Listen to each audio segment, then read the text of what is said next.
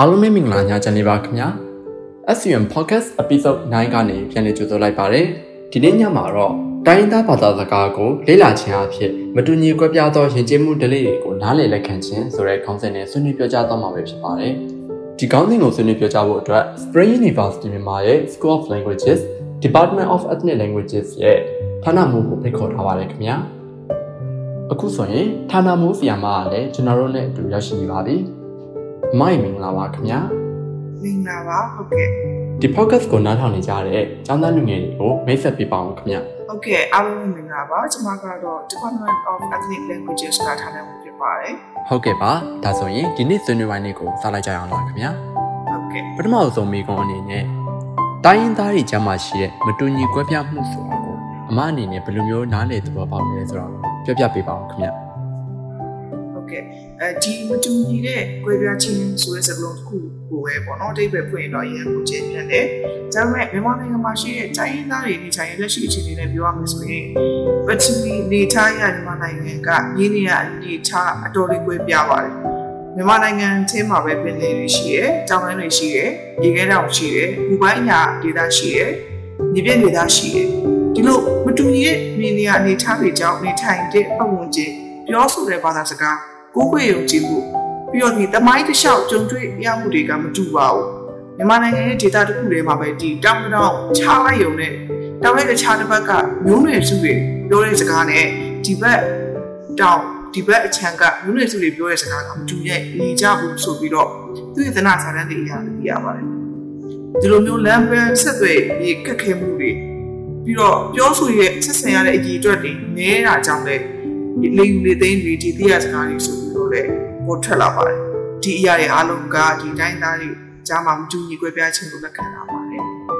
ဟုတ်ကဲ့ပါဆက်လက်ပြီးတော့မင်းကျင်တဲ့မိကွန်ကတော့ဘာကြောင့်မို့လို့ကျွန်တော်တို့ကတိုင်းသားတွေကြားမှာရှိတဲ့မတူညီကွဲပြားမှုတွေကိုနားလည်လက်ခံတင်တာလဲဆိုတော့ပြောပြပေးပါဦးခင်ဗျာဘာကြောင့်ဒီတိုင်းသားတွေရဲ့မတူညီကွဲပြားခြင်းကိုလက်ခံသလဲလို့မေးရင်တဘာဝတရားအကြောင်းကိုပဲကျွန်မဖြေရမယ်ကျမမိကုန်းလေးတွေမေးချင်တယ် ကျမတို့ရဲ့ပုံဝင်ချင်းမှာပန်းလေးတွေကအယောင်တယောင်နဲ့တယောင်တူကြတာအဲ့ဒါပြင်ကျမတို့ချစ်တဲ့အိမ်မွေးသရိษံတွေကတော့အမျိုးအစားတွေတူလားအဲ့ဒါပြင်ကျမတို့အိမ်သားမှာတချင်းဆိုနေတဲ့အကလေးတွေကတော့တကောင်နဲ့တကောင်တူနေကြသလားအဲ့ဒါပြင်နောက်ဆုံးကျမတို့အိမ်မှာကျမတို့ချစ်ရတဲ့မိသားစုတွေကတော့တရားနဲ့ကြောက်အချင်းစရိုက်အတွင်းလက္ခဏာတူကြလားဒီဒီတဘာဝတရားကိုက ကွဲပြားမှုတစ်ခုဖြစ်တာကိုဒီကွဲပြားတဲ့တဘာဝတရားကိုလက်ခံရင်မြန်မာနိုင်ငံမှာရှိတဲ့မတူညီတဲ့ယဉ်ကျေးမှုကိုယ်ွယ်မှုလူမျိုးအသားအရောင်ဘာသာစကားမတူညီတာကိုလည်းလက်ခံရပါမယ်။ဒါဟာလည်းတဘာဝတရားတစ်ခုဖြစ်တာအတွက်ကြောင့်ပါ။အဲ့ဒါပြင်ဒီမတူညီတဲ့အရာတွေကိုတူအောင်လုပ်เสียမလို့ပါဘူး။ဒီမတူညီတဲ့အရာတွေကနေစီလုံးညီညွတ်မှုတစ်ခုကိုတည်ဆောက်ရပါမယ်။အဲ့ဒါမှပို့ပြီးတော့ဖွံ့ဖြိုးတိုးတက်ပြီးရည်ကျေးမှုမြင့်မာတဲ့နိုင်ငံတဲ့နိုင်ငံဖြစ်လာမှာဖြစ်ပါတယ်။ ကျမတို့ရဲ့ဒီအိန္ဒိယတော်လှန်ရေးကောင်းဆောင်မဟာတမဂန္ဒီကပြောခဲ့ပါတယ်ကျမတို့ကမတူညီကွဲပြားမှုတွေကနေပြီးတော့စီးလုံးညီညွတ်မှုကိုရောက်ရှိနိုင်တဲ့အရေးချင်းကကျမတို့လူပေါင်းဖွဲ့စည်းရဲ့စံသက်ချက်တစ်ခုနဲ့အလှတရားတစ်ခုဘာလို့သူပြောခဲ့ပါတယ်အဲဒါဆိုဒီမတူညီကွဲပြားမှုက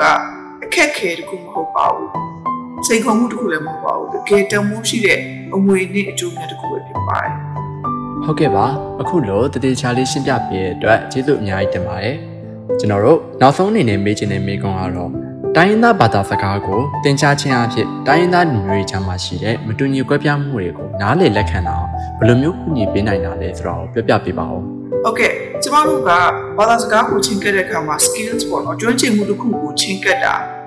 ကြီးပဲမဟုတ်ပါဘူး။ကျမတို့ကသူတို့ရဲ့ယဉ်ကျေးမှုထုံးတမ်းကလေးတွေပါလေ့လာရပါတယ်။အဲ့ခါမှာဆိုရင်လူမျိုးစုတွေကဘာကြောင့်ဒီဆုံးဖြတ်ချက်ကိုချရတယ်လဲ။ဘလို့သမိုင်းကြောင်းတွေရှိခဲ့တယ်လဲ။ ဘလို့ရှေ့ဆက်သွားဖို့ရည်ရွယ်ချက်ရှိတယ်လဲဆိုတော့ပို့ပြီးတော့ပြင်လာလာပြီးတော့ကြီးရတယ်ကိုနားလေလက်ခံလာပါလိမ့်မယ်။အရင်တော့ကျမတို့ကကဘာကြီးကရွာတရွာဖြစ်လာပြီဆိုပြီး globalization ကို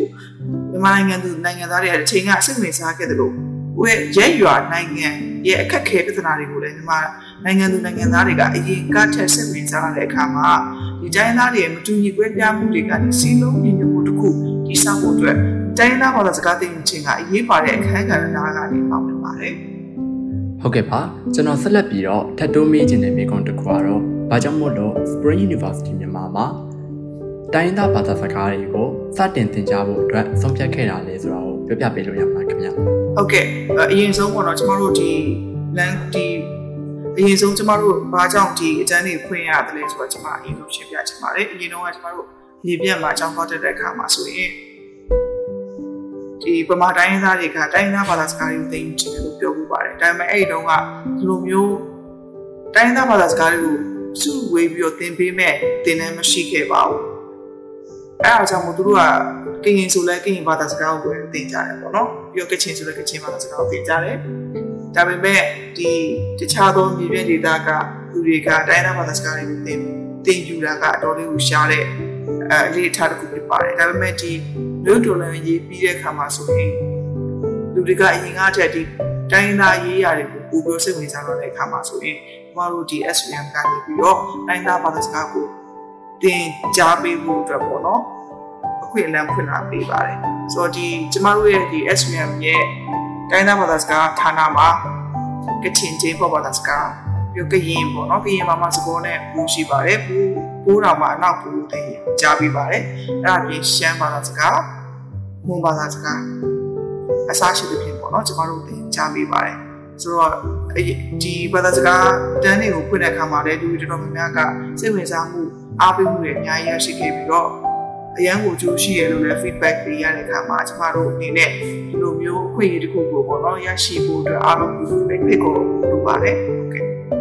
ဟုတ်ကဲ့ပါအခုလိုကျွန်တော်တို့ရဲ့ podcast အစီအစဉ်မှာအချိန်ပေးပြီးပါဝင်ပေးရတဲ့အတွက်ကျေးဇူးအထူးတင်ရှိပါတယ်ခင်ဗျာ ဟုတ်ကဲ့ကျမလည်းကျေးဇူးအများကြီးတင်ပါတယ်